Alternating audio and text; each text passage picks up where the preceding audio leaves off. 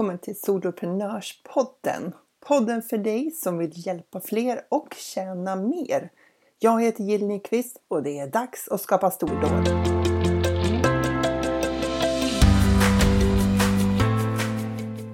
Du som brukar lyssna på Soloprenörpodden vet ju att jag brukar be om feedback, att ni taggar Soloprenörpodden på Instagram eller att ni går in på iTunes och ger den en recension eller stjärnor. Och det är ju av två skäl. Det ena är att det hjälper podden att spridas till fler så att fler kan få höra om det här med roliga medlemstjänster. Och det andra är ju att jag får feedback på att ni lyssnar och vad ni tycker om podden. För det är lite speciellt här, man sitter här hemma eh, framför mikrofonen och pratar och har ju ingen aning om vem som lyssnar eller vad ni tycker om det, hur det tas emot och, och allt det där. Så därför är det ju supervärdefullt för mig när jag får feedback på det. Och jag vill bara göra en liten eh, uppmärksamhet här på en recension på iTunes nu från Alla Emily som skriver Hög igenkänning, intressant och läkerikt och spännande. Tack Jill för allt du delar med dig av och för alla intressanta intervjuer. Och stort tack alla Emily och stort tack till alla er som lyssnar på Soloprenörpodden. Det här är del två av erfarenheter från Funka med ADHDs e-event 2020 som jag liksom delade i förra avsnittet. Då. Så det, del ett var liksom hjälp, det blev en succé, jobbet bakom. Och om du någonsin har varit rädd för att sticka ut, synas eller kanske utsätta dig för kritik så är det här avsnittet för dig. För några veckor sedan lyssnade jag på ett poddavsnitt av Mind Your Business med James Wedmore och han pratade om så här, det verkliga skälet till varför våra e-postlistor inte växer, alltså varför våra följarskaror inte växer eller blir större. Och han menar att det berodde på brist på ledarskap, alltså hur vi agerade och positionerade oss, hur vi liksom stack ut hakan, hur vi var tydliga. Och så ställer han en fråga. Eh, det var typ så här då. Om du vaknade upp och hade fått 100 000 nya följare, skulle du vara redo? Och jag minns när jag liksom lyssnade på det där så tänkte jag, men självklart, självklart, jag är redo. Jag skulle stå där som en stormfast fura och leda mina följare. Inga problem. Eh, ja, och sen fick jag känna hur det kändes, inte att få 100 000 nya följare, men hur det kändes att liksom fördubbla antalet personer, till exempel på e-postlistan. Hur det kändes att nå ut mycket, mycket större än vad vi någonsin hade gjort förut. Att nå många, många fler än vad jag, van, vad jag var van att nå. Och jag insåg att det blev läskigt. Alltså, vi blev rädda och tyckte plötsligt att det blev lite jobbigt med alla de här människorna som ville höra från oss. Vi hade önskat att nå ut mycket större och nu plötsligt så gjorde vi det. Alltså de säger ju det här med att man ska vara försiktig med vad man önskar sig. Eh, ja, och lite så kändes det faktiskt. Om du lyssnade på förra avsnittet så vet du att vi arrangerade Funka med ADHDs i Event 2020 och att det liksom blev vår största tillställning hittills. Vi får ju säga hittills, vi känner oss lite stöddiga nu. Men det var ju alltså över 5 500 anmälda och nästan 2 500 av dem gick med i den där privata Facebookgruppen för e-eventet som vi hade skapat. Vi hade ju som mål att nå minst 500 deltagare och det blev alltså 10 gånger fler. Först så var vi överlyckliga när anmälningarna liksom rullade in. Sen blev vi livrädda eh, och självkritiska för plötsligt så kändes inte eventet alls tillräckligt bra. Eh, för vi hade ju inte, liksom inte planerat det här för att det skulle bli så här gigantiskt stort och det kändes plötsligt som att vi borde ha gjort vi borde ha gjort det mycket bättre, vi skulle ha lagt mycket mer krut på hur vi intervjuade, hur bakgrunden såg ut, hur ljudet lät. Ja, det kändes som att vi borde ha gjort allting så mycket bättre. Så då var det vågor av självkritik här och känsla av att herregud, det här kommer inte hålla. Och sen vände det där då till att vi blev superpeppade och jätteglada. Så. Och där slutade vi ändå, att vi var superpepp och jätteglada och att det blev ett riktigt bra event tack vare att vi Ja, men vi fick steppa upp lite grann. Vi fick eh, lägga in mer i programmet så att det, liksom, det kunde bli ett event som vi kunde känna oss stolta över att ha levererat. Och på engelska så har de ju ett uttryck eh, så här lite play it small och inte vara rädd för att play a bigger game. Eh, och när andra pratar om det här så låter det ju självklart. Alltså det, är ju, det låter ju liksom givet att vi som jobbar online, vi vill ju levla upp, vi vill skala upp, vi vill nå ut mer. Men frågan är ju om vi verkligen är redo när det kommer en sån här skjuts framåt. Och kan man ens vara redo innan? Eller sker själva upplevningen, upplevlingen i själva handlingen, i leveransen, i skarpt läge? Är det liksom då som vi höjer oss? Jag tänker att det kanske är både och. Att vi behöver både vara mentalt förberedda för att nå många, många fler samtidigt som vi, när vi väl gör det då, behöver liksom uppleva det också för att det ska bli på riktigt. För om vi inte är beredda, om vi inte har den här mentala beredskapen, då kommer vi förmodligen omedvetet att bromsa in. Vi kommer att avstå från att göra saker som skulle kunna liksom öka räckvidden, hur bra vi når ut. Alltså vi kanske låter bli att göra det extra inlägget eller låter bli att ta kontakt med de som faktiskt skulle kunna sprida det till fler, vad det nu är vi håller på med. Eller vi är lite mer försiktiga i budskapen, vågar inte riktigt sticka ut hakan för det känns lite läskigt. Eh, för att eh, det kan börja bli lite läskigt. Men om vi är beredda, då kan man ju liksom se igenom sig själv eh, och vi kan komma på när vi håller på med liksom sådana här lite inbromsningar. Och så kan vi välja en ny väg. Vi kan ju komma på att vi, liksom, att vi håller på att bli styrda av vår rädsla och så kan vi tänka att jag är rädd men jag gör ändå. Jag gasar på i alla fall. För det här eventet så innebar det att vi fortsatte att posta på Instagram och Facebook om eventet även när anmälningarna blev många. Vi annonserade på eventinlägget på Facebook även om den insatsen gav jättelitet eh, resultat jämfört med den organiska spridningen, alltså organisk spridning, att, eh, att människor delar och, och eh, skickar vidare själva, gillar och kommenterar och så vidare. Vi fortsatte utveckla vår leverans under dagarna så att liksom, det verkligen skulle kännas som ett grymt bra event för våra deltagare. Vi körde egna livesändningar på de teman som vi vet brukar vara uppskattade hos våra följare och vi positionerade oss som experter på att hjälpa föräldrar. För vi vet ju att föräldrar gör allt för sina barn, men vem stöttar dem? Hur ska de orka? Det är ju vad eh, vi hjälper till med. Och det kan ju låta som självklart att vi som står bakom eventet skulle ha liksom mycket sändningstid under själva eventet. Men alltså, det var inte planen från början. Det här är ju så himla komiskt så här i efterhand. Vi var så fokuserade på att leverera ett bra event eh, för deltagarna. Att experterna skulle bli nöjda som hade liksom ställt upp med sin tid och, och blivit intervjuade av oss i förväg. Det var vårt huvudsakliga fokus. Så det var liksom de sista veckorna innan som vi insåg att herregud, vi måste ju vara med. Jag inser nu att det här låter helt galet, men att vi måste vara med i vårt eget event med vår kunskap. För vi har en podd med över 60 avsnitt. Jag har skrivit två böcker. Vi har en medlemsklubb. Vi har massor av eh, expertis, innehåll, nytta, värde som vi kan skapa. Och vi hade inte ens med det i planen från början. Snacka om att man kan liksom tappa fokus. ja, det är helt galet så här man tänker på det. Men vi eh, ryckte upp oss. Så vi körde helt enkelt egna livesändningar på de här temana och de blev väldigt uppskattade och det är vi jätteglada för. Ehm, efter en del övervägande så hade vi också en livesändning som bara handlade om själva medlemsklubben. För vi tänkte att vi måste ju ta tillfället i akt och berätta att vi har en medlemsklubb och det, det var ju liksom det enda egentligen i det här eventet som, som liksom var ett sälj som var direkt eh, kopplat till någonting som kostade pengar. Och just den här livesändningen kändes inte så bra. Ehm, jag kan komma tillbaka till det här med att skapa ord som säljer vid något annat avsnitt, för det kändes verkligen inte som att vi landade särskilt väl i den sändningen. Ehm, men vi höll den och det kändes lite så här säljigt eh, och faktiskt också lite väl problemorienterat. Det kanske låter som en konstig kombo det att fokusera på problemen och försöka sälja samtidigt, men ja, det där vi kände det efteråt, så här, vi måste lära oss att pitcha medlemsklubben på ett bättre sätt. Så, Eh, men när vi nu nådde ut längre än vad vi brukade så nådde vi också de som inte bara älskar det vi gör.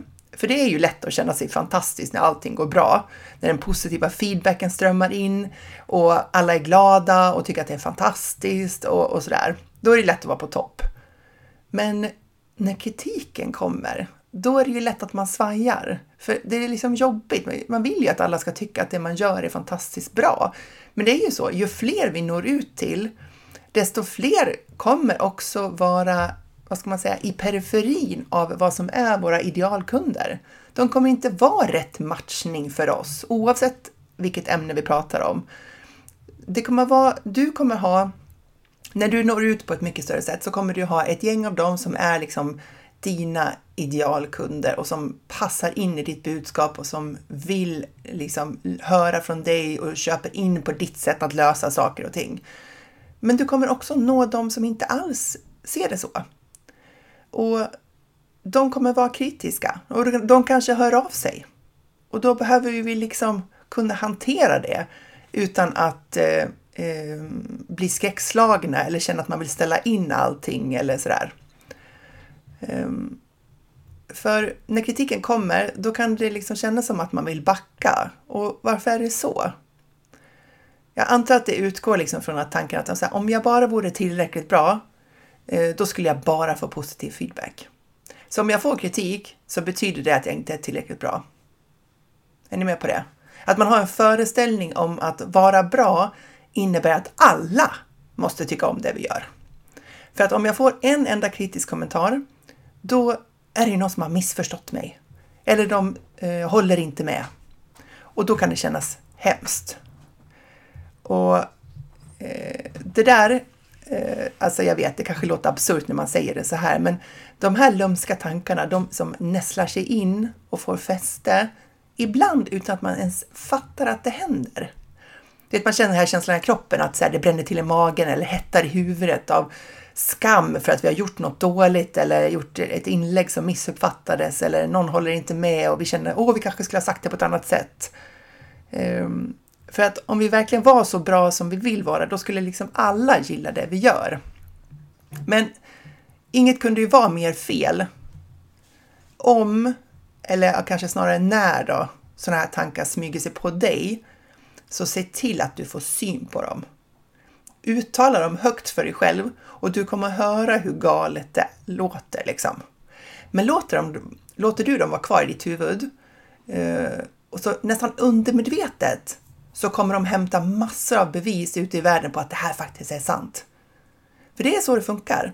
Allt vi tror på insidan, att vi, vi tror att någonting är sant, liksom på insidan av oss själva, och då kan vi hitta bevis på det ute i världen. Vi hittar alltid bevis. Det är så vår hjärna eh, fungerar, att den liksom söker bekräftelse på det som vi tror. Och därför behöver vi se till att vår hjärna letar efter bevis som liksom vi har nytta av. Bevis som gagnar oss. Inte bevis på, som på motsatsen. I Facebookgruppen för eventet, eh, då var det några som var tveksamma eller kritiska mot att medlemsklubben kostar pengar att vara med i. Ja, så några blev upprörda över att vi berättar om medlemsklubben och de tycker att eh, alltså råd och hjälp och stötta varandra, det borde vara gratis. Och det kändes jättejobbigt. Vi hade ju jobbat så här hårt för det här eventet, som hela eventet var gratis. Och så är några upprörda över att vi har en tjänst som vi faktiskt säljer. Ja, faktiskt kändes orättvist. Och jag hann tänka många tankar. Jag tänkte, det är orättvist. De vet inte hur mycket jobb vi har lagt ner för att kunna leverera det här eventet. Jag hann till och med vända ner på, nej, nej, vi slutar med det här. Funkar med ADHD helt. Vi lägger ner. Bara fly. Japp, hej då. Och sen hann jag också gå till attack. Är hon helt knäpp? Hur skulle vi kunna göra allting gratis? Vem är det som kan jobba gratis? Och jag hann också vända ner till att tycka synd om mig själv. Det är inte värt det. Ja, det här är inte värt det. Få så här mycket skit från andra. ja, det går ju rätt snabbt. Jag tror att jag hann tänka allt det här på en tio minuter, en kvart. Jag hann både tycka synd om mig själv, lägga ner hela plattformen och sen rycka upp mig igen. För till slut så insåg jag ju vad det var jag gjorde. Alltså jag fick syn på de här tankarna och då kunde jag liksom skratta lite åt liksom, dramatiken i det här. Kan du känna ibland att det är liksom lite mycket drama på insidan? Att man kanske är lite onödigt känslig. För jag menar, hur känslig får man vara? Och till slut så insåg jag ju också att det fanns ju andra tankar som också kanske förtjänade lite sändningstid.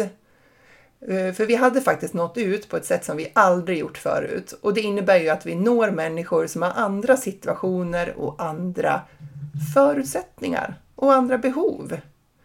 Vi når inte bara de som älskar det vi gör och det är okej. Okay, för vi är inte för alla. Vi står för det vi gör. Alla kommer inte hålla med om det och det är okej. Okay. Ibland behöver man bara påminna sin skenande hjärna om att vi inte behöver vara omtyckta av alla. Att alla inte behöver älska det vi gör eller hålla med om vilka tjänster vi erbjuder eller vad de kostar. Våra blivande medlemmar, det är ju de som har råd eller prioriterar att betala medlemsavgiften. Våra kunder är inte de som har råd eller inte tycker att det är värt. De behöver söka råd och stöd och hjälp någon annanstans och allt är väl. Allt är väl. Sitt still i båten, håll kursen, fortsätt leverera. All is well. Eh, och det där kanske, det kanske är någonting för dig att tänka på också. Att dina kunder, det är alltid de som har behov av dina tjänster och kan betala. Det är liksom den kombinationen som krävs. De har behov av dina tjänster och de kan betala för dem. Dina kunder är inte de som har behov av dina tjänster och inte vill eller kan betala. De måste ju söka hjälp som är motsvarande någon annanstans, på något annat sätt. Och det här, allt det här som jag pratar om nu, alla tankarna, det här är skälet till att våra företag utvecklas i samma takt som vår personliga utveckling sker. För utan personlig utveckling, då kommer vi att köra fast. Vi kommer inte att hjälpa fler och vi kommer inte att tjäna mer. Game over. Så. För hur sker utveckling? Kanske tänker du att ja, när jag har de här kunderna eller när jag tjänar 50 000 i månaden, när jag ska göra den här satsningen, det är då jag kan vara, ska vara den där ledaren som levlar upp och hjälper fler. I själva verket så tror jag att vi behöver jobba från andra hållet. Vi måste först vara ledaren som agerar som den företagare vi vill vara innan vi får de resultat vi vill ha. Vi måste alltså levla upp själva innan vårt företag kan göra det. Vi måste liksom ut ur komfortzonen, stå på tå för att leverera lite mer än vad vi gjorde förut. För om vi gör det vi alltid gör och alltid har gjort så får vi de resultat vi alltid har fått. Vi behöver göra lite nya saker för att växa eh, som personer. Och det är läskigt och det är peppande och det är inspirerande på samma gång. Så låt inte bara rädslan hindra dig, för du kan vara rädd och göra det ändå. Det är okej. Okay. Jag känner att jag kastade mig ur komfortzonen med det här eventet och efteråt, inte hela tiden under då, men efteråt så kändes det så bra. Jag kände så här, äntligen händer något, vi tar oss framåt, vi växer, vi gör saker vi inte har gjort förut. Alltså det är på ett sätt också galet tillfredsställande att uppleva den där utvecklingsresan. Och vi rodde det i hamn och levererade ett grym upplevelse för våra deltagare. Jag och min kollega Ulrika då, som har gjort planeringen hemma vid köksbordet här i Älvkarleby. Alltså det hänger inte alltid på stora resurser, eller hur? Vi behöver inte ha enorma mängder pengar eller fina lokaler eller kontor att gå till eller den värsta utrustningen och så. Utan vi kan, vi, vi behöver ju alltid utgå från de förutsättningar vi har och ta vara på dem på bästa sätt. Och det var lite det som eh, vi insåg då när vi höll på att liksom förbättra programmet för helgen, att vi höll på att glömma bort en av de viktigaste resurserna vi hade, oss själva och vår kompetens och vår förmåga att leverera värde till vår målgrupp. Det var nästan så att vi höll på att glömma bort det i mitt i allt turbulent som hände kring alla lösa delar och rörliga delar i det här eventet. Och efteråt så kände vi att vi faktiskt hade levererat ett stycke stordåd. Så vilka stordåd har du utanför din komfortzon? Berätta gärna för mig. Du kan skicka ett DM på Insta eller mejla gilletexplain.se. Det vore jätteroligt eh, att få höra om dina kommande stordåd.